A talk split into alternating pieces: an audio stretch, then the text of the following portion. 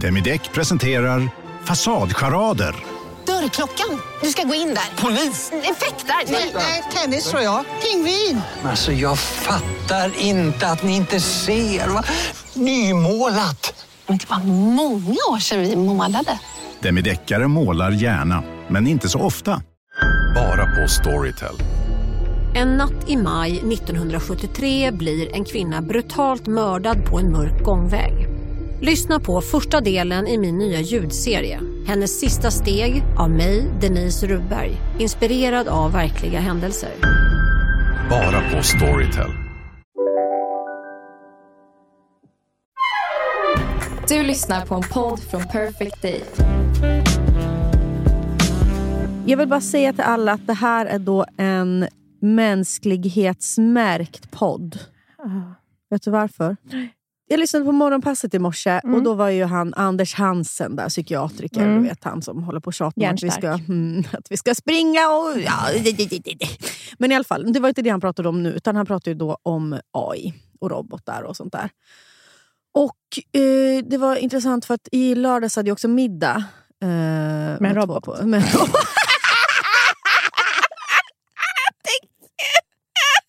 Det är så sjukt, vet du vad jag tänker på när jag ser robot? Då tänker jag ju bara på den här roboten i, i Babblarna. Jag hörs bortom kullarna Alltså hon den här... Ja, det är, ju, det, det, det är ju faktiskt den roboten man tänker på. Jag tänkte faktiskt i och för sig på den roboten som är med i Never have I ever. Vad heter den? Den här Mindy Kaling-serien. Ja, är hon en robot? Nej, men det finns ju en robot. Hon är med i Robotklubben. Jaha, Jaha ja just ja. ja just det. Att det sitter en sån med. Kul humor. Hello. jag hade middag med en robotintresserad kille såklart. Nej, var det en kille som var intresserad mm, av? Ja, det kan man aldrig... Uh, har du hört om det här liksom, AI-samhället? Som ja. Men han då liksom... Uh, pratade mycket om det. Liksom, att såhär, Fatta vad sjukt, såhär, vi står inför det sjukaste någonsin. La, la, la, la, la, la. Och liksom höll på att prata om det här, du vet, det här chattprogrammet. Ni, ni, vet ju vad jag pratar om. Man kan skriva in. Såhär, ja. Skriv en novell eller skriv en rom, bästsäljande roman som Camilla Läckberg ha, och så skriver en exakt ja, om det. Då. Har Anton visat dig den eller? Nej. För det är, du, alltså, det är ju Johan som har visat. Jaha, alltså, nej, nej, Anton är faktiskt Anton är förvånansvärt liksom Alltså du vet, ointresserad av det där. Och jag med. Alltså det som hände mig då på den här middagen var ju att jag bara... Eh, jag lyssnar ju intresserad, men att jag hela tiden tr tror mig veta bättre. att jag då tänker så här, men det där kommer aldrig bli... Alltså, jag tänker, ifall jag var vuxen på 90-talet eller sent 80-tal, då hade jag sagt att internet var en fluga. Alltså jag hade verkligen varit som den här politikern. Alltså ja. bara, men det här kommer inte bli... Och precis på samma sätt så är jag ju nu. Mm. Men då var det bara någonting som hände nu på bilen, i bilen på väg hit när jag lyssnade på eh, Anders Hansen i morgonpasset om AI-utvecklingen och så vidare. Där han bland annat sa eh, det här med att eh, de har inget, alltså, när man utvecklar den här typen av grejer så har de inget sunt förnuft. Det är det forskarna håller på liksom, och, och funderar mycket kring nu. Att här, få in sunt förnuft i, I ett system, liksom, i robotarna. Ja. Eh, och det är väldigt svårt, för hur, liksom, hur definierar man det då? Mm. Och så, till exempel så sa han så här, ifall vi, ifall vi ber då en robot, ett system, så här, bota cancer, säger vi. Kom, och det skulle de kanske kunna göra. Men då hittar ju den så här, vad, då är dens fokus på så här, hur, bot, hur ska jag hitta ett sätt att bota cancer. Jo, men det bästa vore nog ifall jag ger alla människor cancer, för då är jag fler att forska på. Mm. Och så det, då, det, det vill man ju inte. Nej. Alltså, jag menar, då har, de, då har den ju inget sunt förnuft, utan Nej. den ser ju bara... Ja, men, Målet. Är det kanske lite som admin i Labels rätt ska vara rätt. Man är liksom enspårig. Men det kanske är AI som styr hela Labels ja. Jag vill tacka alla er som har skrivit sen förra avsnittet och alltså känner igen er i mig. Och sen vill jag också säga att jag, ja, jag, jag, jag, jag kände mig inte ensam i mina känslouttryck. Men så tänker man ju då, alltså, låt säga att de här robotarna då, kommer att ta över. De gör poddar. Jag, jag skriver in, gör en podd som han och Nia. Då skulle de kunna göra en podd exakt som det är mig. Det går ju redan men våra röster skulle låta lite men ungefär som oss. Och vi skulle typ vara typ så här. Min, våra killar är så här. Åh, oh, jag grinar nu. Åh, oh, oh, Nisse Flores cancerkläder. ja, det skulle väl hålla på så då. Men det man kanske då ska tänka på eller ta fasta på är väl att det kommer väl bli ännu viktigare då med den här mänskliga närheten. Då, tänker jag. Det är därför jag ville bara säga till alla er som lyssnar nu att det här är alltså ingen robotpodd. Utan Nej. det här är Riktiga känslor. människo, människomärkt. Mm. Precis som saker kanske är ekomärkta nu så kanske det blir någon människomärke då, framöver. Mm. Av allting som skrivs och produceras av robotar. Det är liksom, man kommer in, för man vill ju veta vem avsändaren är. Det är ju Mm. liksom det som är kultur också. tänker jag. Att man vet liksom... Man, vad avsändaren, det är någonting. Mm. Och det är felbart också. Mm, att det finns brister. Mm. Mm. Absolut. Så ja. Men vi är ju Är såna du rädd för robotar? Vi är såna här, jag, jag tänkte precis att den här podden är väl sån här AI som man kan komma i korrekthet. Ja, det förstås. Åh, svårt att Fas. veta om det är två, två människor eller två perfekta robotar. och de här hjärnorna.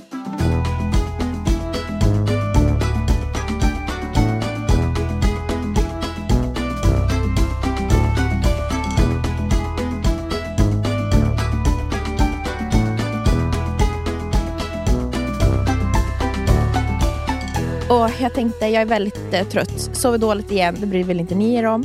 Men det är, jag har tänkt mycket på det här att vara gravid. Det kan inte en robot vara eller? Nej. Och man blir ju inte så smart. Eller inte så smart, man blir smart på andra sätt kanske man ska säga. Ja, man blir ju EQ-smart ändå va? EQ. Vet du, jag vet inte om jag har så mycket EQ, Hanna. Folk anklagar oss för att frossa våra egna EQ. Ja, vet du? Det tycker jag är så kul. För att jag skulle nog inte säga att jag är så EQ. Allting som jag känner har jag behövt uppleva först. Mm. Så att det tycker inte jag är någonting som definierar en person med högt EQ om jag ska vara ärlig. Nej, det är svårt att känna empati liksom, Nej, men jag har ifall bra- du inte själv har varit igenom det. Ja, alltså... Mm. ehm, Men det har ju väl alla. nej, men alltså, jag försöker ju... Alltså, det är inte så att jag inte... Jag tänker bara på när jag var yngre, i och för sig så är man ju så självupptagen då, men alltså, jag har nog varit ganska så tuff och så, och lite mer så här, ryck upp dig person. Och, Mm. Ehm, och sen så, Psykisk ohälsa, vad är det? nej, men, lite så här, jag tycker inte, var irriterad på folk som har varit gnälliga. Typ. Mm. Och sen så har man åkt på, ju mer av livets törnar man åker på, desto mer så här, jaha, okej.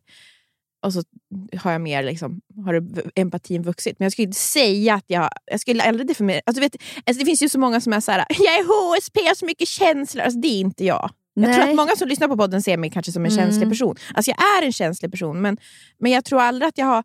Jag har nog stängt av andras känslor väldigt Mm. mycket. Jag har blivit anklagad för HSP. Det det värsta jag varit med om. Vem då? Jag kan inte... Ja, men nu glömde jag bort, nu går vi från ämnet. Ja, men får jag bara säga Ja. det då? Mm. Innan, och förlåt, jättearg. Mycket sympati jag har för dig. Du ska prata om hur du är som gravid, men jag vill bara säga att det är så hemskt när folk kategoriserar in en Mm. i saker. Och jag har ju en person som jag inte alls känner så väl, men som jag eh, träffar ibland på grund av... Jobb. Ja, nej, fa- mer vart jag befinner mig. Familj kan man säga. Mm. Eh, men det är ingen släkt till mig. Men, ja. eh, och då så fick jag, alltså jag träffade henne kanske fyra gånger. Och så fick jag alltså ett jättelångt PM på Facebook. De var så här, hej Hanna. Du har väl precis som jag HSP? Det är alltså en diagnos som ser ut så här. La, la, la, la, la. Jag har precis upptäckt den här och, och diagnoserats. Eh, alltså jag vet inte om hon hade diagnoserat sig själv eller någonting. Och liksom höll på att beskriva sig själv på ett sätt som jag... Alltså det får ju stå för henne. Jag kände ju absolut inte igen mig där. Och där är ju liksom... Är det labels we love och när folk etikerar, eller sätter etiketter på mig som jag är mina akilleshälar. För att jag direkt vill jag, vill jag ju bara så här... "Ugh, bort! Du, säg inte hur jag är. Alltså, jag har ingenting med det här att göra. Alltså, jag har HSP.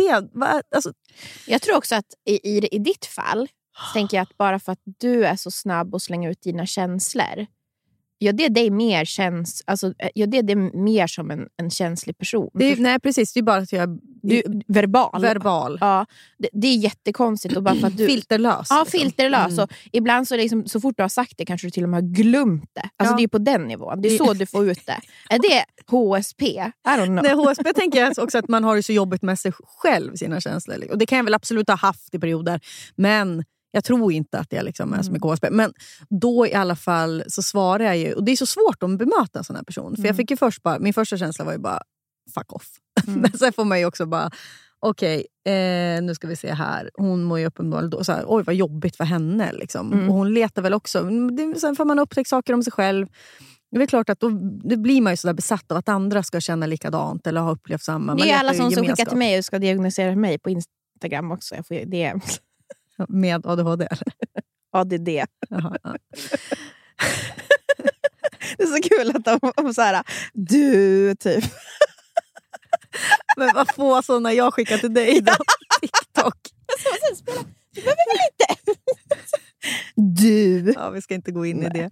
Men i alla fall, då fick jag till slut skriva bara att eh, oj, vad jobbigt det låter. Liksom, Mm. så här, ja, okej, kanske, kanske det. Liksom, mm, jag kanske har det. Så, här. så byta ämne. typ. Kul Mm. att träffas i sommar. La, la, la. Ja. Ja, ja, men nog om mig. Nog mer till, eh, till din eh, graviditet. Är min graviditet. Nej, men jag tänkte på att... Då, så, så här, låg jag och tä- tänkte i natt och så bara, åh gud, jag börjar verkligen gå in i mig själv lite. Mhm. Grej, ja, men du vet, jag håller på, tänker mycket på bebisen och familjen. Och så ska jag leverera en podd och så har man dåligt samvete. Mm. Och så, både du och jag är ju väldigt sådär... Vi tycker ju verkligen att man som... Såhär, jag menar, när vi pratar om, om, om mödraskap så är det så här, det måste ju få vara viktigt. Mm. Men ändå så ber vi ofta om ursäkt för det också. Och stäng inte av för att vi pratar om våra barn. Nej, stäng inte vet. av. Mm. Så det finns ju en känsla av att så här, ni får inte tycka att vi är tråkiga för att vi pratar om det här. Inga beiga morsor. Nej, och, och, och det är ju både och såklart så här, vi älskar ju att få prata om andra saker, men ibland så är det ju det viktiga. Det är, nu är ju det här det absolut viktigaste och största i mitt liv. Mm. Och att man typ inte... Alltså att man då ska skämmas lite för att erkänna det. Så här, jag skulle vilja ha dispens. Så här, ingen får, nu får ingen komma och störa mig, Mm. för nu är det liksom nedräkning här. Mm. Jag vågar knappt... Jag är så rädd att öppna mejlen eller när jag får meddelanden när den ringer. För Jag är så rädd att det är någon som ska komma med något typ av dåligt besked eller stressa mig på Ja, något sätt. Ta dig ur den här underbara Ja, bebisfokuset. Exakt, Mm. när jag, som jag dessutom absolut inte upplevde förra gången när jag Mm. var gravid. Och jag tror också att det har med det här äh, att vi vill ju hela tiden visa att vi är normala, eller vad man ska säga, att man är sitt vanliga jag. Mm. För man vill ju inte heller att man ska leva upp till myten av, av den här kvinnan. Alltså med, Mm. liksom så här, styrd av sina hormoner, styrd av... Alltså, man vill liksom att allt ska vara som vanligt Mm. också lite. Och Så undrar jag, varför är det så? För jag menar nästan, inte alla, men de flesta av oss blir ju mammor någon gång. Mm. Och varför är vi så hårda mot oss själva? För då läste jag, jag skickade ju till dig, Mm. Den här influencern Valeria Mm. eh, som bodde i Toronto samtidigt som mig, som jag började följa. Det var därför. Och hon skrev, jag tror inte på att ångra sig, men jag tror på så här livsläxor. Mm. Och om jag hade kunnat, hon har tre barn. Och om jag hade kunnat sagt någonting till den 28-åriga Valeria så skulle det vara, som fick sitt tredje barn, att så här, varför försöker du stressa tillbaka till det normala? Ja. Och var, alltså, vem är det som får dig att känna så här? Och så sa hon att varför kan vi inte bara erkänna, jag tycker det här var en bra beskrivning, den dolda bördan av moderskap. Ja, ja. Det är så här, the hidden, alltså, den, alltså det, tyngden som kommer. Alltså, det är ju inte normalt. Alltså det, jag sitter i soffan och du vet hela den här kroppsliga förändringen. Jag är ju tröttare. Mm. Jag allt är lite, jag sover ingenting på nätterna längre. Och så Mm. Johan bara fungerar som vanligt. Försöker jag förklara för honom. Och han försöker förstå, men Mm. han först kommer ju aldrig Nej, förstå. jag kommer inte förstå. Och så bara, det är så orättvist. Och så försöker jag bara funka som vanligt ändå. Mm. Och man har såna gravidappar och så uppdaterar de och säger så här, nu är det dags att börja nu ska du börja varva ner och bara fokusera på din förlossning. Du vet, börja ta bort stressmoment. Och man bara, ja, ja, vad glad att jag blir sedd av dig appen. Men man Ja, gör inte. nej. Man gör absolut inte. Man får inte vara gravid. Nej. Alltså man får inte låta det ta plats. Men det är väl... Alltså, är det inte bara en effekt av alltså det, moder, nej, men det moderna samhället? Ja. på något sätt? Alltså, jag det tänker, jag hur, tänker såg, hur såg det ut då? Eller det likadant på 50-talet i hemmafrusamhället? Där det kanske var mer fokus på så här, ens jobb är att vara gravid Fast samtidigt, den barn. generationen är ju verkligen graviditet ingen sjukdom. Nej, jag vet, jag vet. Det är det som är så jävla... Och då är det då det här att... När fick, när fick man, vil- vilket årtionde fick man vara gravid och föda barn? Ja. Och, och, och även prata högt om det. Ja. Alltså att det är jobbigt och det... Och det här uh, bounce back. Ja. Alltså att, man ska, både fysiskt men också... Ah. man, man får inte förändras. Och att vi ska sitta och be om ursäkt. Då. Stäng inte av för att vi ska Ja, prata om det ja. här nu. Fast, Mommy tummy, så eh, vad heter det? Mommy tummy exercising. Alltså det, det kommer upp på TikTok hela tiden också. Så här, Eight week postpartum, I look like this. Nine week postpartum. Vad är det här? Åh. Kroppen har precis skapat ett nytt liv. Ja. Det var inte, vi har knappt fått liksom varit i det. nej. Och så nu liksom snabbt, snabbt, snabbt. Ja, och att det är, så här, det, det, är så hemskt också att fokusen då ska hamna på snapback.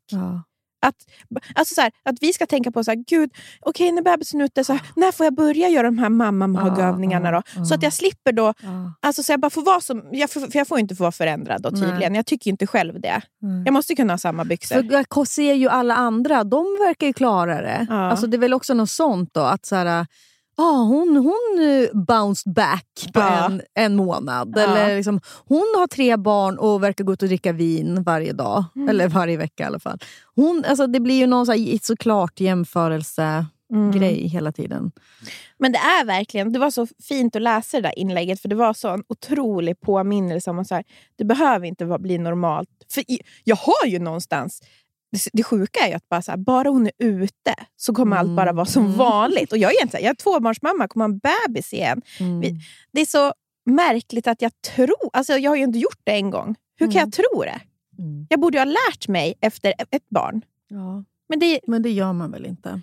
Man har väl, grejen att det är så svårt också att göra skillnad på vad man faktiskt vill och vad andra vill att man ska Mm. vilja. Det är liksom hela livets pussel. Stora eller så stora gåta. alltså 100 procent. Vad, Vad, vad är det jag vill på riktigt? Vad vill jag? Liksom, för Mm. att an, an, andra faktorer gör att jag vill det. Eller an, alltså att jag tror att jag ska Mm. vilja det här. Och, och det tycker jag så här, för du, man vill ju, jag vet inte hur du känner, men när man fick barn, det är klart man längtade efter det normala hela Ja. tiden. Nu, allt ska vara som vanligt. Jag saknar min kropp. Ja. Jag saknar att gå ut med mina tjejkompisar. Jag, sak, jag vill det här. mm.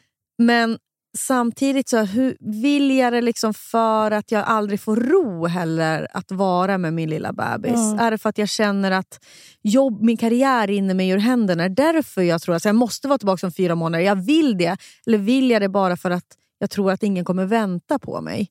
Det är någonting i det som jag tycker är svårt att, att veta. Mm. Du säger att du blir ledsen. Jag tänker bara, det var så, alltså, för det, jag tänker så mycket på första tiden. Eh, Jag kollade på jättemycket bilder när Florens var Mm. nyfödd. Och så tänker jag på också att jag, jag, då hade jag, inga, jag kunde varken gå tillbaka till normala eller fokusera på, på min bebis. Det var så mycket. Det var liksom bara överlevnad i att ta sig till ett sjukhus. Ehm, så det var så mycket saker som Fick hände. aldrig ro i Jag något. fick aldrig ro. Nej. Och jag var tvungen, alltså det var som ett långt maraton bara jag skulle komma i mål. Mm. Eh, och jag vill verkligen inte att den här tiden ska vara så. Det tror jag inte. Nej, jag vet att det, det kommer nog inte vara det. Alltså jag är på en helt annan plats. Men det är så... Jag tycker bara så synd om oss. alltså man behöver inte ha cancer och vara sjuk för att det är liksom den, det är en omtumlande tid. Mm. Och alltså jag tänker också så många i, i våran yrkes, yrkesgrupp, alltså jag tänker så här influencers eller sådana som jobbar lite kreativt som är så här, ja, men jag börjar småjobba veckan efter bebisen Mm. har kommit. Alltså, du Gjorde vet sådana där grejer. Mm. Ja, jag ska göra lite samarbeten bara. Ja. Och sen bara, det är ju jättedumt. Ja. Det var jättekonstigt. Jag minns att jag fick jättemycket ångest av det. Ah, Alltså jag mådde inte bra av att göra Nej. grejer. Minns jag. nej. Men att det var så här... Man trodde innan att det skulle ja, vara så man enkelt. trodde det, men det var så känslomässigt svårt att byta fokus. Och så, jag, alltså, så enorm tyngd av skuld hela tiden mot sitt barn. Ja. Oavsett vad man gjorde så var det liksom... Jag vet inte. Och för Anton att se också sin partner ha det så lätt. Ja, det är ju det. tror inte jag också. alls samma skuld. Han fattar inte liksom någonting. Men är det det, för att, är det det som också gör att halva samhället består ändå av män? Alltså det är inte samma sak att bli pappa. Tyvärr så är det ju inte det. inte det. Och den här oförståelsen Mm. gör att vi också hamnar i de här... Liksom, om, när man hela tiden känner en liten oförståelse, Ja. kanske från folk som inte har fått barn, Mm. och de män, Mm. så blir det kanske det här att återgå till normala. Det är det enklaste för mig. Ja, exakt. Ja, Ja. Det är det lätta vägen. För hur ska, de andra, hur ska de kunna hantera Ja. någonting annat? Hur ska de liksom? kunna hantera Mm. något annat? Det är bättre att jag ber om ursäkt för det här som jag är nu. Mm. Och sen så, så fort som möjligt så kommer det allt bara vara som vanligt. Mm. Men det behöver inte vara. Nej, det behöver ju inte Jag ska det. jobba på det nu då. Jag tror du, ditt fokus är... äh, Det, det är väl också en kulturell grej. Alltså jag inbillar mig, eller jag har läst Mm. någonstans att det är det här, eh, alltså, vad heter det, fyra, alltså, vad, he, vad heter de här faserna? När Fjärde man, trimestern. Ja, fjärde trimestern, alltså när man har fått barn. Mm. Att i andra kulturer är det så här, ja då ligger du hemma i vet du- två, tre månader Ja. och så serverar folk dig fika och så Ja, ligger du och ammar. Nej, men vet du? För det här tycker jag så, har jag tänkt på jättemycket. Att många, när vi hade våra graviditets eller spelade in våra extra poddar, Ja. pratade ju, frågade liksom, hur ska jag sätta upp gränser för, för besökare. Mm. För det, samtidigt som vi då ska till exempel, alltså nu när, det är så inne med det här liksom att man ska ha sitt barn nära hela tiden, man ska amma, det är många som vill gå den vägen. Mm. Då behöver du någon som passar upp. Men vi ska också isolera oss. Vi är i vä- i västvärlden, svenskar. Ingen får komma in i våra liv heller. Nej. Det är liksom de folk kommer på fika. Det är inte att någon kommer få komma hem och pyssla om en. Nej. Vi vågar inte släppa in. Och jag kan ju säga att jag var ju tvungen att släppa in folk och låta dem pyssla om mig och Ja. ta Florence. Och det, jag är så glad för det. Men det blir liksom en, det blir en sån skev bild. Vi ska liksom vara den här urmamman, Mm. men helt utan stöd. Ja. Helt utan Mm, stöd. mm. Och Florence... Lätt. Ja, nej men, Alltså, jag blev så chockad. Det, det var faktiskt för att en av, min, en av mina faktiskt största mammaförebilder, det är en mamma till Florence bästa kompis. Mm. Hon, alltså, det är bara för att jag är så imponerad av hennes naturliga inställning att ingenting är så jobbigt. Mm, Jag tycker ju allt är jobbigt. Hon tycker ingenting är jobbigt. Men hon är från Kenya och så berättade hon att i Kenya, i alla fall i, där hon kommer ifrån, Mm. då kommer ju oftast ens mamma och bor med Ja, en första ja. månaderna. Och bara tar hand om mamman så att du ska kunna ta hand om ditt barn. Ja. Hon bara, men då är det så här, jag bara, vad, vad gör hon? Men du vet, då är det hon som lagar mat, hon masserar dig, hon tar hand om Ja. dig och ser till att du kan, alltså du får ta liksom... Och så får man vara liten hos sin mamma. Ja, och, så, och, så, och, så, och, och då var det... Så, och hon föddes, eh, födde sin dotter, då, Florence kompis, Mm. här i, i Sverige. Och alla var ju så oroliga för henne. Hur ska det gå när det inte är någon som tar hand om dig? När du får Ah. barnet? Ja. Alltså, hur, hur ska det gå? Och det var liksom... Man, det får man inte ens, man får knappt en liksom sympatisk blick när man född. Kvinnor har fått barn i alla tider. De var så oroliga. Och hon var också med i, i något eller med i något sånt community. Och då var det en, en kvinna där som var kanske 70 som bara, jag kommer flytta hem till dig när din dotter kommer. Jag kommer komma och, och Hon är ju tillsammans med en svensk. Han bara, ursäkta? Ska det bo en främmande kvinna här hos oss? Alltså som ska ta hand om dig och massera dina axlar typ. Så här. Vi precis har fått vårt gemensamma Att vi har barn. fått vårt gemensamma barn. Varför, tror du inte att jag kan klara att ta hand om dig? Så Ja. det bara, nej. Nej, det kan Det de kan de inte. inte. Nej. Och Det där har jag också upplevt, dels i min egen relation men även när man tittar på kompisars, alltså, som är tillsammans med då män. eh, Där de har varit väldigt eager att få tillbaka det normala också. Mm. Alltså jag kunde ju uppleva att Anton sa, ska vi gå och ta en promenad? Liksom? Ska vi testa vagnen? Ska vi eh, göra det här? Ja, de vill Rast- komma på middag. Johan var typ rastlös. ja, men, tror jag Anton var. Alltså, och där också, då känner man sig ännu mer besvärlig Mm. som kvinna. Att, så här, att då orka bara stå emot. Bara så, här, så jag var ju också så här, ja, okej, ja, vi kan ta en promenad. Vi gör Eh, middagen. mm, ja, nu, nu bara rinner det i liksom... Avslag. Ja, och jag kan inte gå för att jag, organen sitter för snett. Typ. Mm. Och menar, En kompis till mig också, hon sa ju att det var ju så här, den grejen som gjorde att hon ja, men förstod, visste inte om hon kunde fortsätta vara ihop med sin kille. Nej. För att hon kände sig så fruktansvärt långt Pressad, ifrån eller? honom. Ja, men alltså, att han, Han inte, såg han, inte. Han förstod inte henne. Hon var ännu mer än vad jag var, liksom, ville vara i den här fjärde trimestern. Och då att ha någon som hela tiden... Man känner ju av det där rastlösa. Liksom, Mm. att, ja, jag vet inte, och nu också när jag pratar med Anton om ett eventuellt andra barn och liksom hur man ska lägga upp det och när man ska börja försöka och så vidare.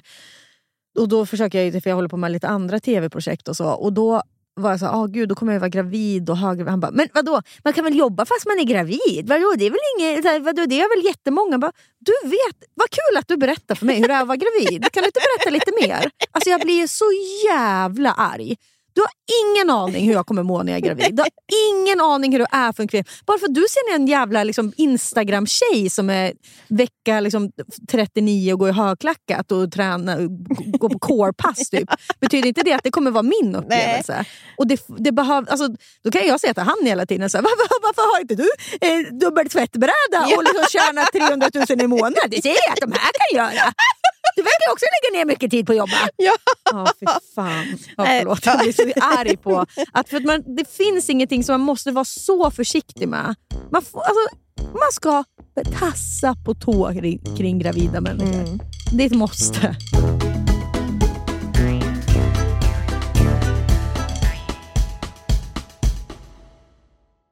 Livet, vet ju både du och jag, kan både vara flyktigt och föränderligt. Jo tack. Men då finns det någon som håller en i handen genom alla de här äh, faserna i livet och det är Länsförsäkringar. Och Den här podden görs ju i samarbete med Länsförsäkringar. De har ju både försäkringar, pension, spar. Ja, Mm. och det här med att ha ett sparande. Ett långsiktigt sparande. Det känns ju bra. Mm. Speciellt kanske ifall man är lite som du och jag kan vara. Kortsiktiga. Kortsiktiga. Mm. Men då är det väldigt tryggt då att Länsförsäkringar finns där och erbjuder då ett eh, långsiktigt sparande. Jag tänker bara så här, saker som man vill ge sina barn. Körkort. Jättestor utgift. Eventuellt en liten insats Ja. till en lägenhet, Mm. eller vad det nu kan vara. Mm. Kanske Det kommer aldrig Nisse få, för han ska bo hemma med mamma. Ja, det livet. behöver han kanske inte. Nej. ja, tack Länsförsäkringar för att ni finns och för att ni samarbetar med oss. Tack. Vi är så glada att vårt samarbete med Läkarmissionen fortsätter. Ja, och det är ju så många av er som lyssnar och följer oss som redan har blivit eh, gi- månadsgivare. Mm. Och våra lyssnare och följare har ju blivit lite av kändisar på Läkarmissionen. Mm. För att ni är ju så otroligt givmilda. Ja, det är helt sjukt. Mm. Och fler ska vi bli. Ja, men det tycker jag verkligen. Och Varför behövs då Läkarmissionen? Jo, för eh, varje år så dör ju hundratusentals kvinnor av sin graviditet eller förlossning. Ja, och ungefär en miljon bebisar dör för att de inte får rätt vård och omsorg. Ja, varje år. Mm. Och Den här vården och omsorgen hjälper då Läkarmissionen till eh, med. För att man vet ju att mest sårbara är unga flickor och kvinnor som lever i fattigdom. Eller på landsbygden. Eller kvinnor och flickor som eh, befinner sig på flykt. Mm. Eh, Så att Läkarmissionen vet ju också att nio av tio dödsfall skulle kunna förebyggas med rätt vård. Och det vet ju både du och jag, Anna, att ingen av oss har ju haft förlossningar utan komplikationer. Nej, Men egentligen har vi aldrig varit rädda. Nej verkligen.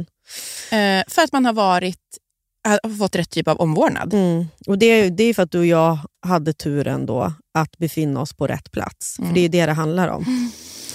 Och när du blir månadsgivare via Läkarmissionen och ger 90 kronor i månaden så motsvarar det att du varje år ger sex kvinnor och deras bebisar rätt till en säker förlossning. Mm. Mm.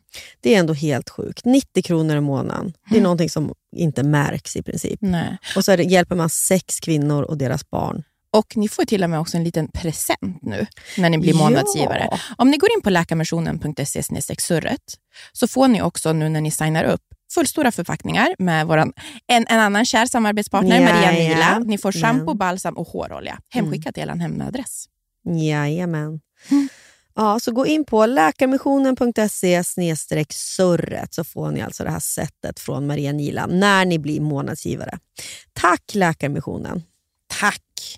Vet du vilket det snabbaste och smidigaste sättet att ta sig till Arlanda är? För det här behövde du faktiskt göra nu när du skulle iväg på jobb och satt fast. Satt fast. Vad lätt det är när man bor i Nacka och ska ta sig till Arlanda.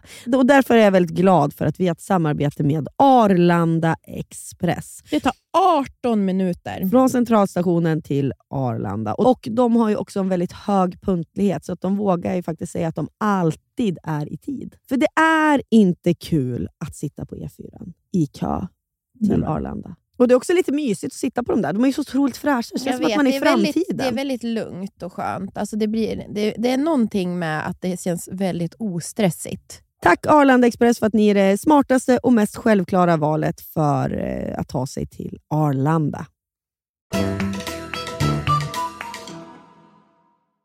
En annan sak, apropå att vara gravid, nu kör vi. Mm. Men, Förlåt för att vi pratar om det.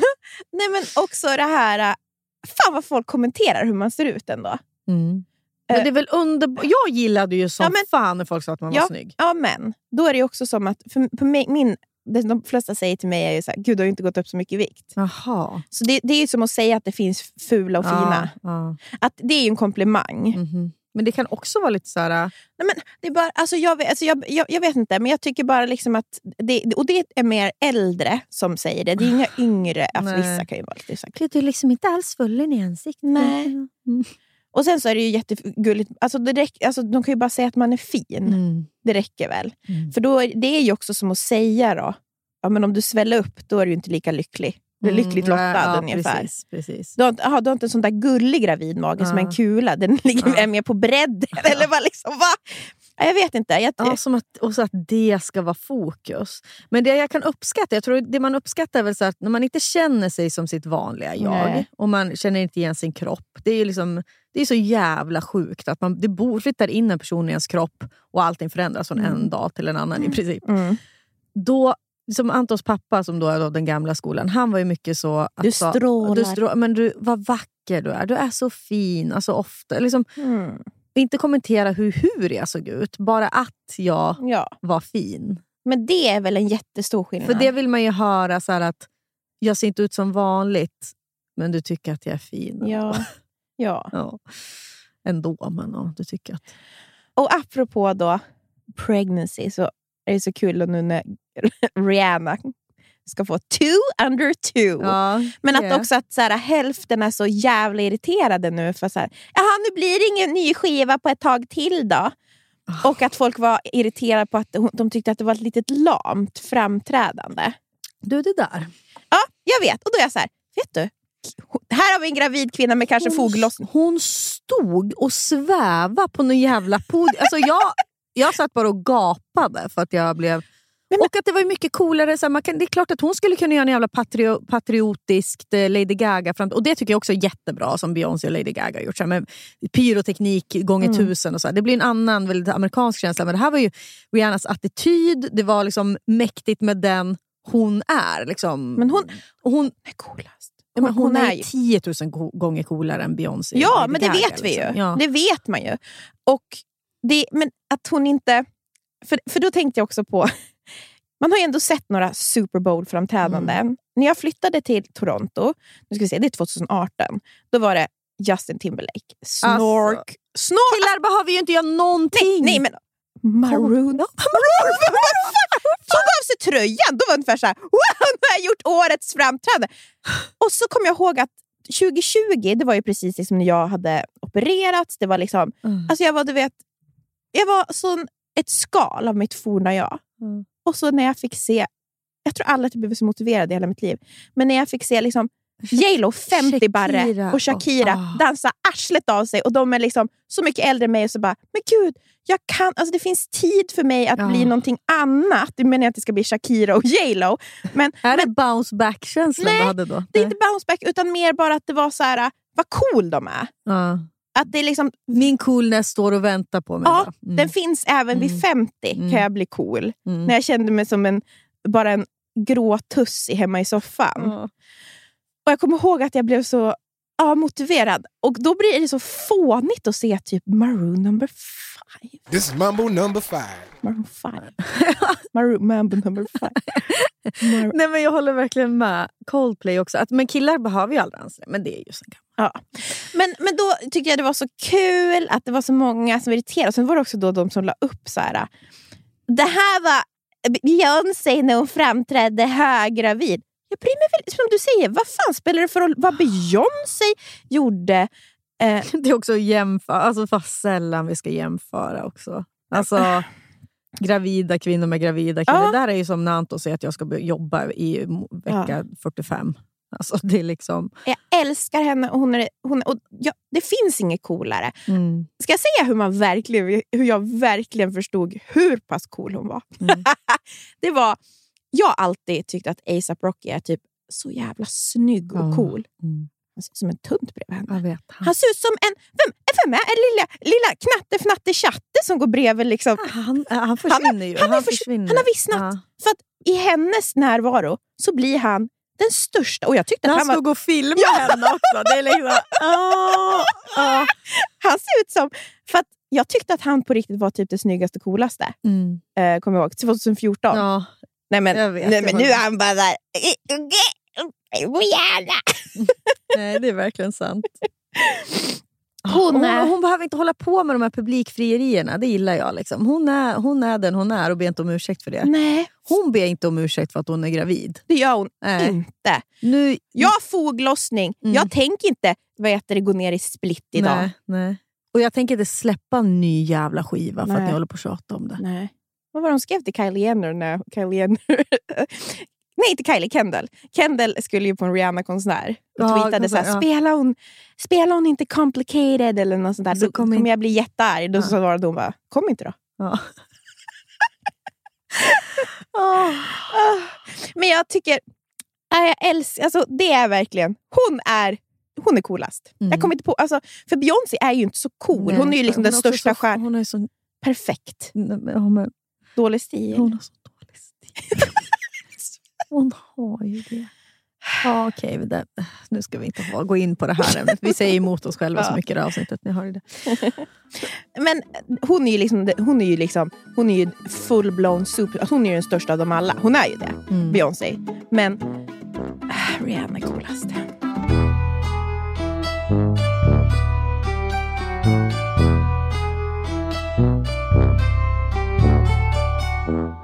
ska inte lämna ämnet mödraskap helt. Mm. För det finns andra som har satt, sagt bevingade citat kring, kring mödraskap. Och det är jag. Nej, jag, ska. Mhm. Nej, men jag såg vet du, det, em, dokumentären om Amelia Adamo på Mm. SVT. Amelia Adamo är i Rom. Det är en sån där resa som en av hennes tidningar anordnar för de allra mest hängivna läsarna. Hon är här för att visa upp sitt Italien. eh, rekommenderar. Och hon sa en sak, apropå då det Rihanna säger att det går inte och, att kombinera mödraskap och karriär. Det Amelia sa att hon säger någonting i stil med att hennes roliga karriär eh, och så jämför hon det med sitt familjeliv, av moderskapet. Mm. Tyvärr för henne, så, eller tyvärr, men att moderskapet har inte kunnat konkurrera med hur roligt jobb hon har haft. Den bekräftelsen hon får på arbetet, de liksom kickarna, de, Mm. den hajen. Liksom. liksom. Eh, och Jag tyckte bara att det var så jävla Befriande att höra. modigt att säga. Alltså Mm. det, för det är ju liksom det fulaste en mamma kan säga liksom, i, i allmänhetens öron. Mm. Men jag förstår ju henne. Mm. För det, men det, det, Det, är- det är moderskap- spännande att man jämför dem, Ja, jag. jo, precis. Men det, exakt, men det är väl, så här, det är väl vad man, man har en viss tid, Ja. mycket tid då, i ett liv, vilket man har. Om dygnet har 24 timmar. Vad, det, det handlar om vilka val du gör då. Mm. Och hon har valt, och hon jobbade jävligt mycket. Mm. Och hon var, gjorde det aktiva valet. Det var inte för att hon behövde ha mat på bordet. Då skulle hon kunna ändå jobba mindre. Men hon gjorde det för att det var så jävla kul. Och den liksom roligheten, de kickarna. Går, hon menar då att hon inte kan jämföra dem med att vara mamma. Nej. Sen är det, jag vet, alltså det är olika saker, men det är ändå så här, hon, hon skulle kunna välja att vara hemma då, Mm. mer. Och det där känner man ju igen sig i, i alla fall jag. att det är ju... De ska inte konkurrera, och apropå det vi har pratat om, att så här, man måste få ta tiden och vara Mm. hemma. och så här, och det, För den jämförelsen, alltså vi, alltså jag tänker det, eftersom det är en fråga som tjej, kvinnor alltid får ofta. Jaha, hur är det att vara mamma och den här höga positionen? eh, Som, Mm. Den frågan får aldrig män till exempel. Nej. Så då är det inte så konstigt att man som kvinna ställer eh, moderskapet mot att eh, karriären Mm. mot varandra. Det skulle ju en man aldrig göra. Vad, vad gillar jag bäst? Faderskapet eller mitt jobb? Nej, alltså, det är väldigt äpplen och päron. ja. Nej, men precis. Men, men för det är ju inte... Alltså jag menar, det, det finns ju otroliga highs med att vara mamma. Och otroligt, alltså det är givande på massa olika sätt. Men det är ju en annan sak än att liksom den bekräftelsen och de liksom milstolpar man får i en, liksom en karriär. Om man nu har det som intresse. Det kan ju Mm. vara något annat. Låt säga att du är elitsportare. Alltså Mm. det, fin- det finns ju liksom, och, och det är ditt jobb. Då är det ju förstår du vad jag menar? Att det Mm. finns ju liksom bekräftelse där att hämta som inte går att liksom jämföra med att vara någons mamma. Eh, Men jag vet inte, jag bara varit så här, jävlar vad hon var modig här. Det var bra. Alltså, jag menar, det var ju så hon kände. Mm. Jättebra att hon säger det. Det är nog jättemånga som känner igen sig. Mm. Men det är också det du pratade om tidigare. Det här att vad är det som gör oss lyckliga? Alltså hur vill vi leva våra liv? Förväntningen utifrån. Vad ska Mm. jag tycka är viktigt? För jag tänker att det är många som är, jag tänker många som skriver till oss som är så stressade över sin karriär. Mm. Som att man borde, det här hela tiden, jag borde vilja mer. Mm. Varför vill jag inte mer? Eller att det blir en stress att man hela tiden måste gå vidare. Mm. Att så här, I det samhället vi lever nu, du, du får inte bara ha ett jobb. Nej, nej, nej. Vart vill du? Vart vill du? För det, det, nu är vi i, i den tiden då det är karriären som ska vara det som liksom definierar oss och eh, ska göra oss då tillfredsställda. Mm, mm. Det är där vi ska få vår då, upp, liksom. Mm. Men jag tror så här, i ett samhälle då som Amelia Adamo, hon, menar, hon är snart 80. Hon växte ju upp liksom i en värld där, där det var liksom moderskapet barn- var... Banbrytare. Ja, men precis. Att hon då vågade göra valet. Att så här, vet du, jag tycker att mitt jobb är så pass roligt och givande att jag vill jobba mer än vad, min, eh, vad pappan till mina barn ska göra, eller Mm. gör. Och så att hitta liksom den vägen i, i ett samhälle som verkligen då sa att så här, men vadå, du, barnen före allt, eller?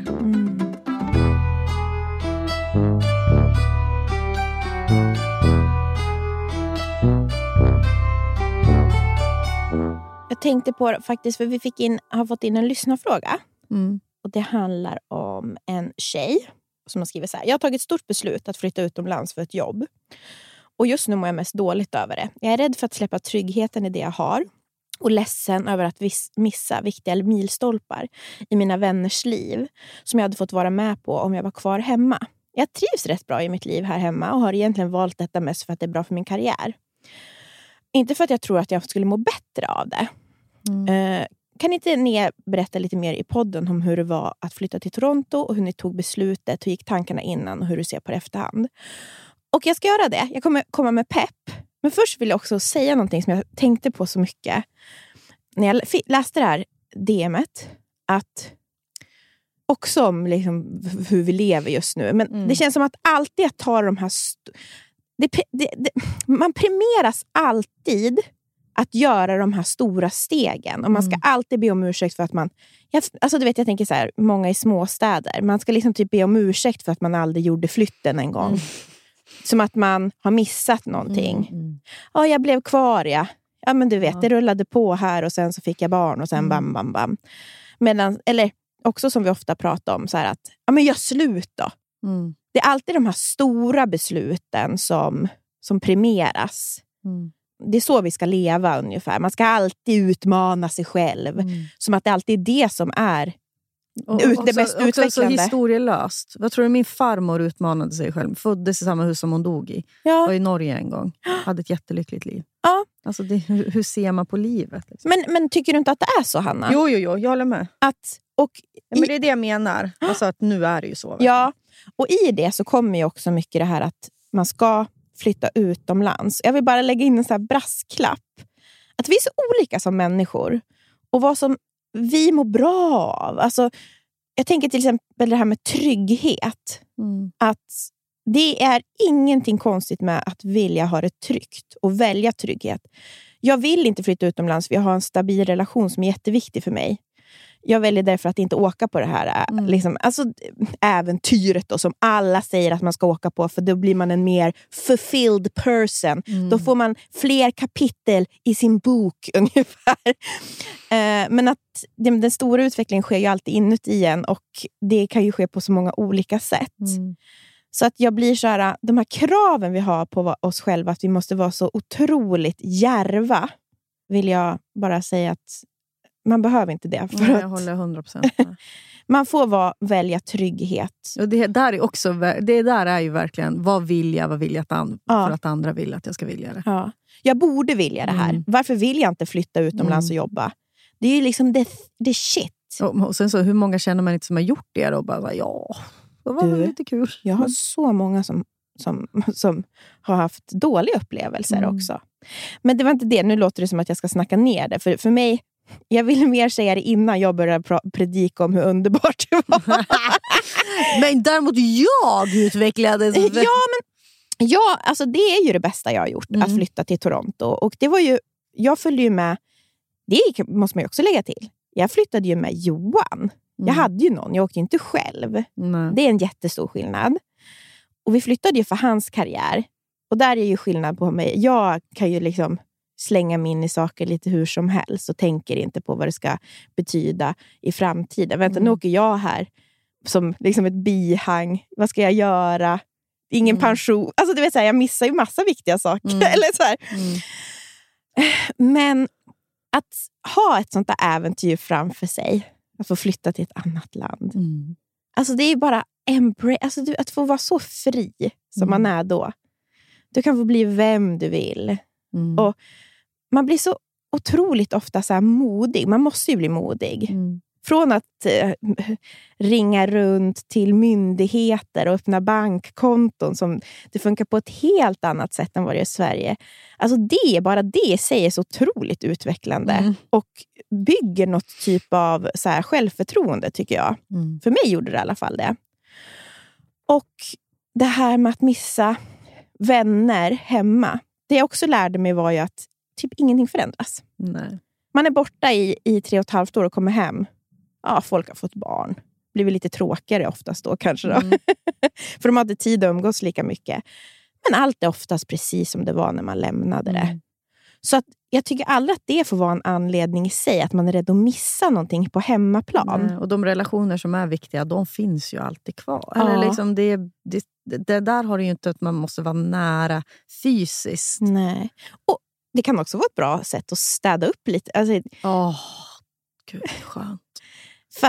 Alla de här mycket- relationer man har dragit på sig slentrianmässigt. Ja, som inte är så viktiga. De försvinner ganska snabbt. för att ja, Man kanske inte orkar texta eller ringa den personen, men de man verkligen bryr sig om, det gör man det med. Så det är också... Och jag tror Johan var mer nojig, för, det, för han var det mer sådär ett... Det var ju ett karriärsteg. Mm. Han ville ha det på papper att han hade gjort de här åren utomlands. Mm. Och det var ju väldigt mycket fram och tillbaka. Vilket val är det rätta? Alltså vad är bäst för min karriär och så Mm. vidare. Och alltså det sa jag till honom, det kan man ju aldrig veta. Nej. Du vet aldrig vilka chanser du missar genom att åka. Och du vet aldrig vilka chanser du får på plats. Alltså, Mm, det, är ju liksom det, det är ju det lite magiska med livet. Det går liksom inte att räkna ut det där riktigt.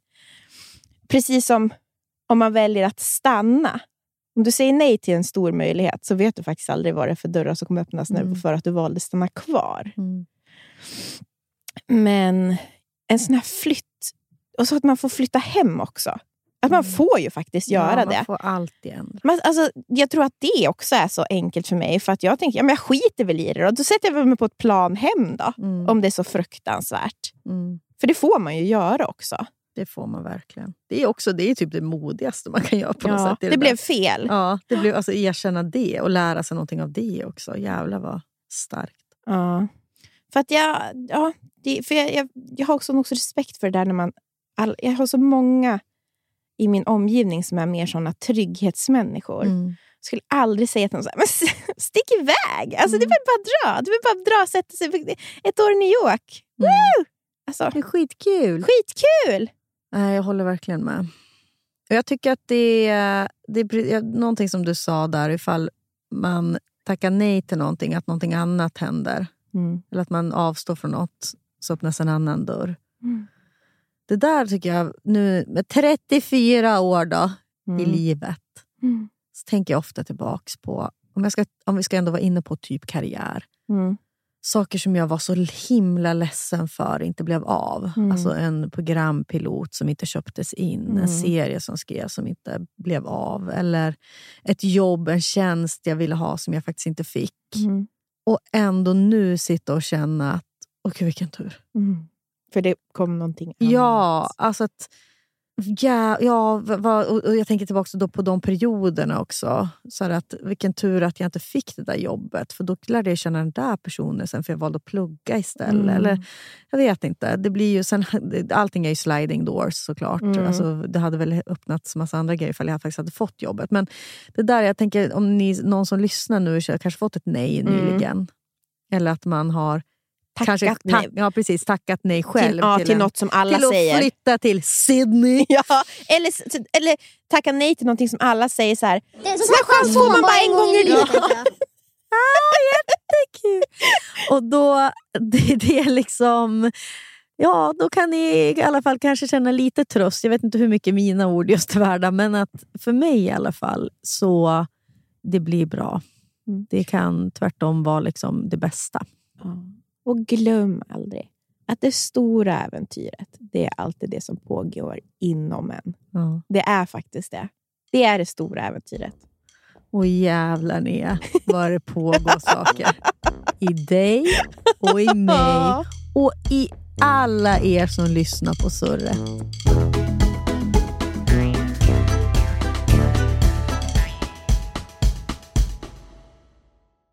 Du som lyssnar på podden Ja. Kanske lyssnar nu genom din mobiltelefon. Mm. Kan, brukar du tänka på vad, vad, vad liksom det som är mobilen kommer ifrån? Nej, men nu gör jag ju det eftersom att vår samarbetspartner är LKAB. Som har lärt oss som det. har lärt oss. Och det tänker jag på alltså nu när, sen de sa det till mig. Det har hänt lite då och då att jag så här, tänker mer på material runt omkring mig på ett Mm. helt nytt sätt. Och så här är det, i avfallet eh, från LKABs järnmalm Mm. finns så kallad kritiska mineral. Och Det är sånt som vi behöver till typ då elbilar eller mobiltelefoner. Mm. Och Idag kommer de ofta från länder som Kina eller Ryssland. Men nu så planerar då LKAB för fullt att utvinna det från sina egna gruvor. Och tänk Ja, att det görs i Norrbotten. Ja. Vi Ja, behöver vi, då vi inte... förstår ju import, importerna från Kina eller Ryssland. Också, jag menar, hur, hur, hur, Hur kontrollerat hur det är. kontrollerat är det? Hur tas den här, eh, de här mineralerna fram?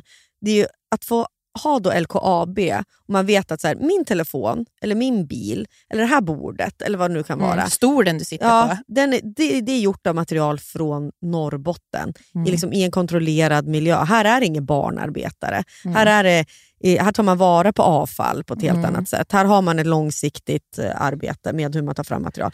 Det, det, vore, ju- alltså det känns ju otroligt i själen ifall man kan få till det. Ja, och vi vill ju såklart att ni ska lyssna på vår livepodd som vi spelade Ja. in i Luleå tillsammans med LKAB.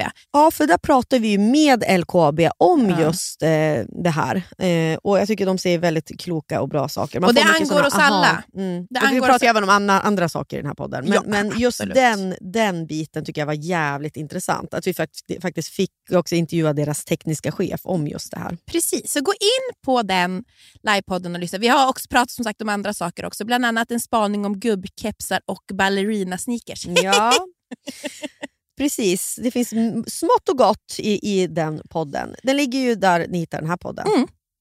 Tack LKAB. Tack LKAB.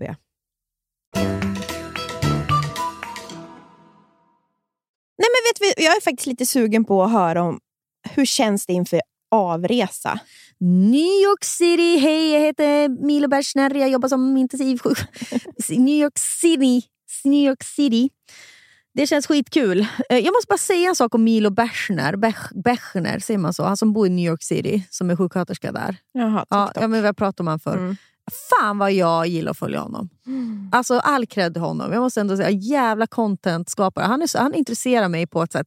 Du vet att Jag går in på TikTok och går in på hans profil många gånger per dag. Så har han lagt upp något nytt? Ja. Jag förstår inte vad, jag, liksom, vad är det i det där som... Vad han pratar om då? Ja, Sitt liv som Ja, sjuksköterska? sitt liv som sjuksköterska i New York. Han mår ganska dåligt nu för jobbet blev inte som han hade tänkt sig när han flyttade utomlands. Åh, ett mål hela livet. Att jag, han pratade ju om att när jag liksom var 17 år tänkte jag att jag ska plugga sjuksyra och jag ska få jobba på liksom Cityakuten. Typ. Mm. Och nu gör han det på en jätte, liksom, in, alltså svår avdelning att komma in på. Han bor liksom i en lä- lägenhet på Manha- Manhattan och med liksom sin snygga pojkvän. Living the dream. Ja, och mår så jävla dåligt. Och Det kan ju dels vara för att så här, nu har jag uppnått mitt mål. Jaha, nu då? Mm. Eller för att jobbet också är väldigt intensivt. Verkar. Ja. Det kan man ju tänka sig, vad vet jag som aldrig jobbar i vården. Men eh, jo, New York City. Jag är väldigt glad för att jag har fått lånat eh, Nias Chloé-väska. Så jag kommer känna mig väldigt lyxig med den. Tack för det. Men du har ju fått låna min gravidkorv som du sover med. Ja, och f- f- gör den att jag sover bättre? Nej. Skojar. Men du gränslar den eller? Gränslar den. Ja, det Den är att jätteskön. Ja. Jag är så tacksam Skön för att den. ha liksom, sen också när man ska ha barnet i famnen och så tyckte jag. Det var lite sen, Bulla upp. bulla upp. Men ja, nu håller jag på med den stora packningen. Mm.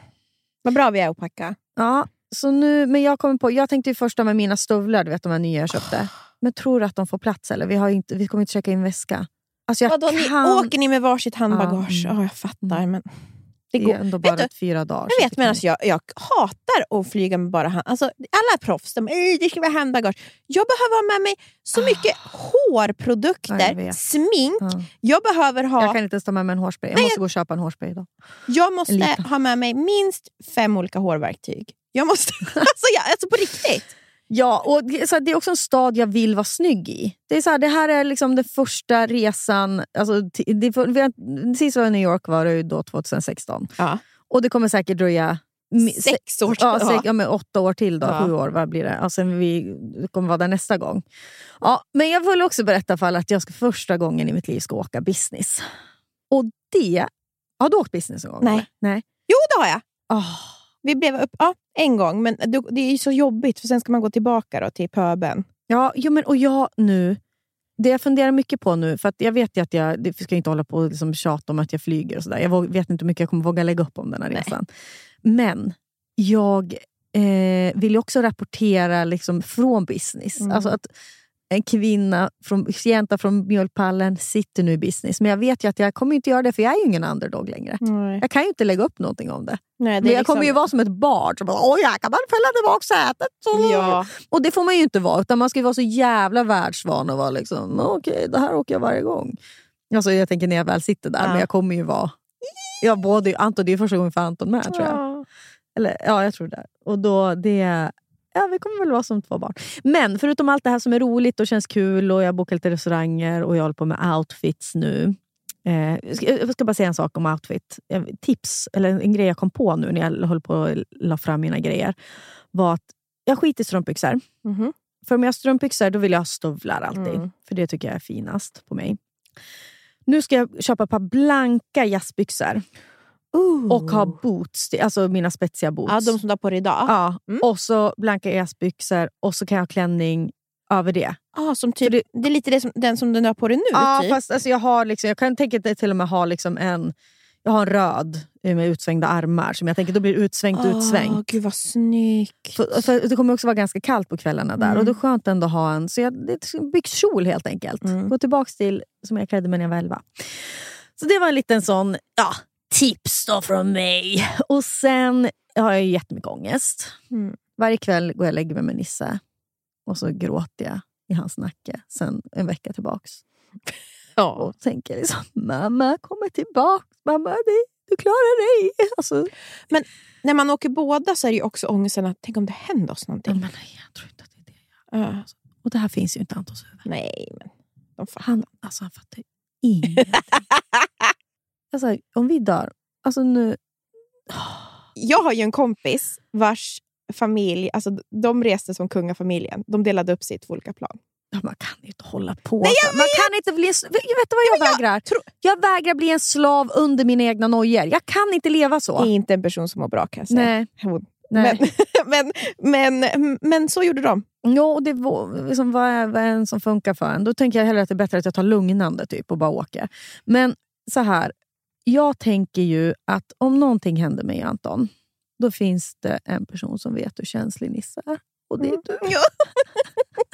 Jag vet hur känns. Ingen kommer fatta att han är känslig.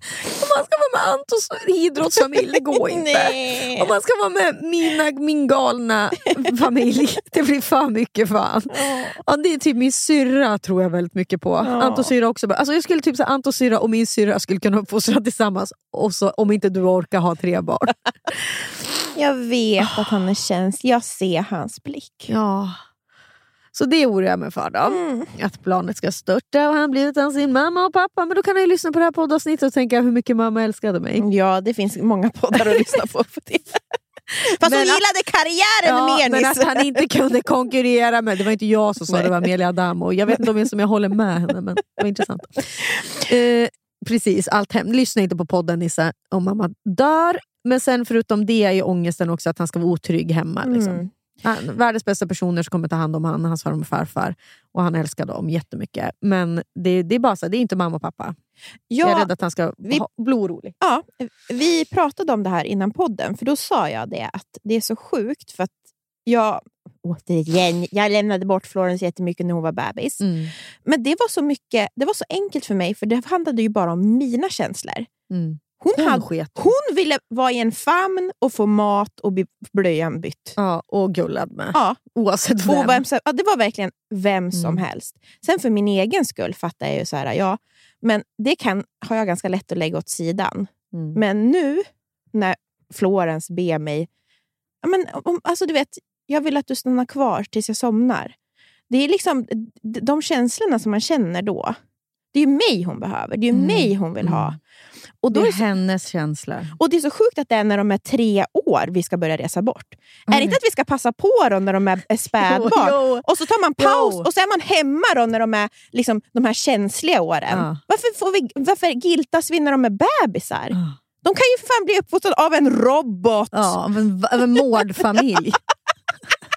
Mowgli! jag är uppvuxen bland mårdar. För det är det, sen behöver ju Mowgli till slut komma till mänskobyn. Ja. Men, i, i, men vargarna kunde klara det Ja, ja, ja.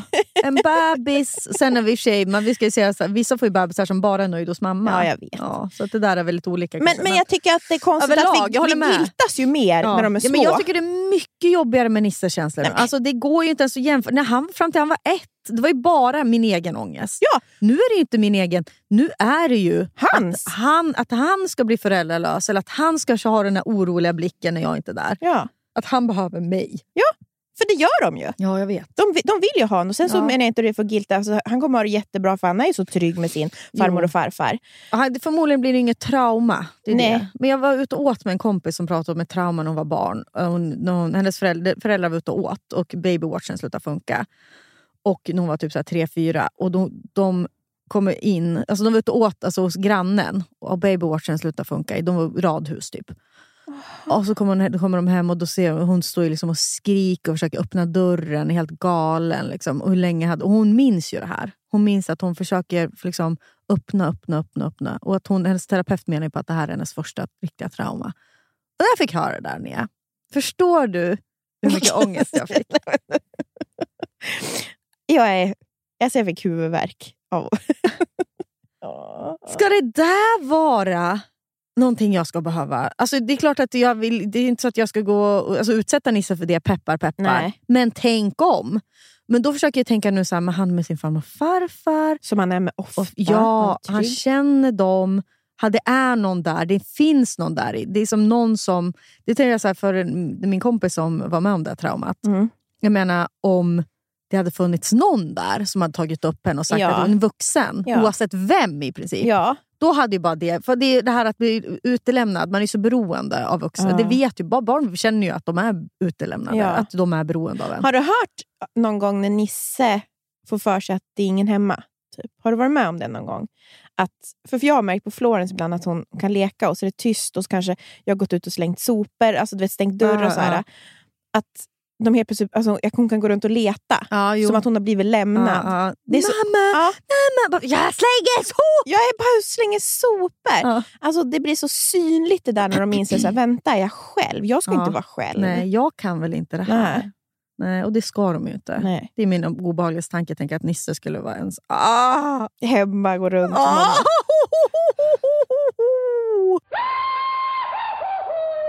Oh, tänk Florens gå runt där liksom. Så hittar en tändare typ. Fast Och det gör hon ju redan. Tänder, tänder eld på. Nisse hittar saxar. Ja. Ja. Men, eh, så Men det jag, ska bli förstår, kul. jag förstår det. Alltså, nu, jag tycker också att det är... För att jag vet när du väl sitter på planet så kommer det vara bra.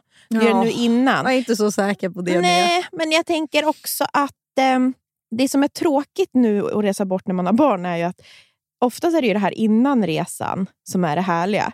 Det är ju helt borttaget. Ja, ja, precis. Så, så egentligen varför... Nej, det, det är inte bort... Det, det, jag kan känna pirret på dagarna, Mm. eller när jag dricker vin.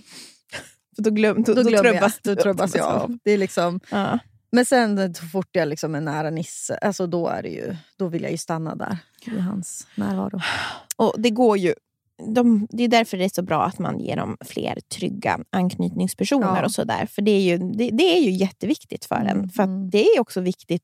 För mig har det varit så viktigt just för jag har va- varit sjuk. Mm. För jag kände ofta så här, men gud, tänk om jag inte... Jag kan inte vara hela Florens värld, även fast man Mm. är nästan det när man är mamma. Ja.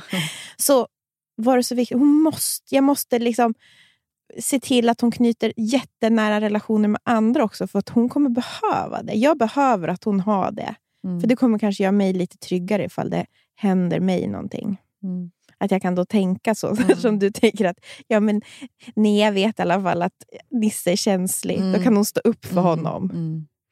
Och vice versa. Ja. Vad ska jag göra med Florens då? Ja, det, Hon är inte lika känslig. Men hon behöver... Hon behöver en tjej i tjej då. Ja. Nej, men hon är väldigt... eh, Men hon, men hon är ju... Påhittig. På, nej, men vet du vad hon är också nu? Vad hon behöver? Hon behöver väldigt mycket... Hon pratar väl- Hon behöver någon som lyssnar. Så det, Ja, okej. Åh. så det får vara du. Öronen bra. Ja. Men jag lyssnar så gärna på vad hon har att säga. Jävligt kul nu när de pratar så mycket. Ja. Åh, gud. Det blev ett väldigt eh, avsnitt om moderskap. Förlåt att jag finns. Förlåt för att vi är så jävla vä- fertila och, och föder. Och... Åh, ja, jag unnar er en underbar resa. Jag är jätteavundsjuk. Jag och Johan är bara, när, när, när kommer vi kunna göra någonting igen? Så det är den känslan vi Ja, har nu. men det här är ju sista färden. Ja. Som här planet störtar väl då. Men tills dess, jag kommer väl hinna lägga upp lite stories från business, som inte annat på nära vänner. Kanske blir något, något på Instagram om jag vågar. Mm, ja. Nick, oh, annars kan ni höra av er till mig, ska jag skicka printscreens från Ja. nära vänner. ja, men det är bra. Ja. För jag kommer bara ligga uppe Men på nästa- surret, för det är snälla på surret, där vågar jag väl liksom... Ja, lägg upp på jag, får- jag har hört surret. att man får riktiga bestick i business. Det tilltalar mig också väldigt mycket. Vet du, lägg upp på surret. Ja. Och så Men låter det kan finnas folk som blir arga där också. Vet du. Man ska inte uppmana folk att flyga. Är det. Nej, men då får du lägga upp på nära vänner och så kan ni som sagt kontakta mig. Mm. Så skickar jag Ja. bilderna. För Hanna är på semester, så stör inte henne. Exakt. Ja, puss hörni. Fan vad vi Älskar tycker er. om er. Ja. Ja, älskar sa du. Då var mitt tycka om er var lite lamt. Älskar er. Ja, men jag, jag har faktiskt känt det senaste tiden. Att jag har, det är älskkänslor. Mm, mycket varma känslor mot er. Mm. Sug åt er. Ta ett djupt andetag, håll huvudet högt, röven bak, titta mot solen, eller där solen kanske borde vara. Och det stora äventyret väntar inom er. Ja. Tack! Nu är Robotpodden avslutad. Vad bra denna AI-funktion var. Klart slut.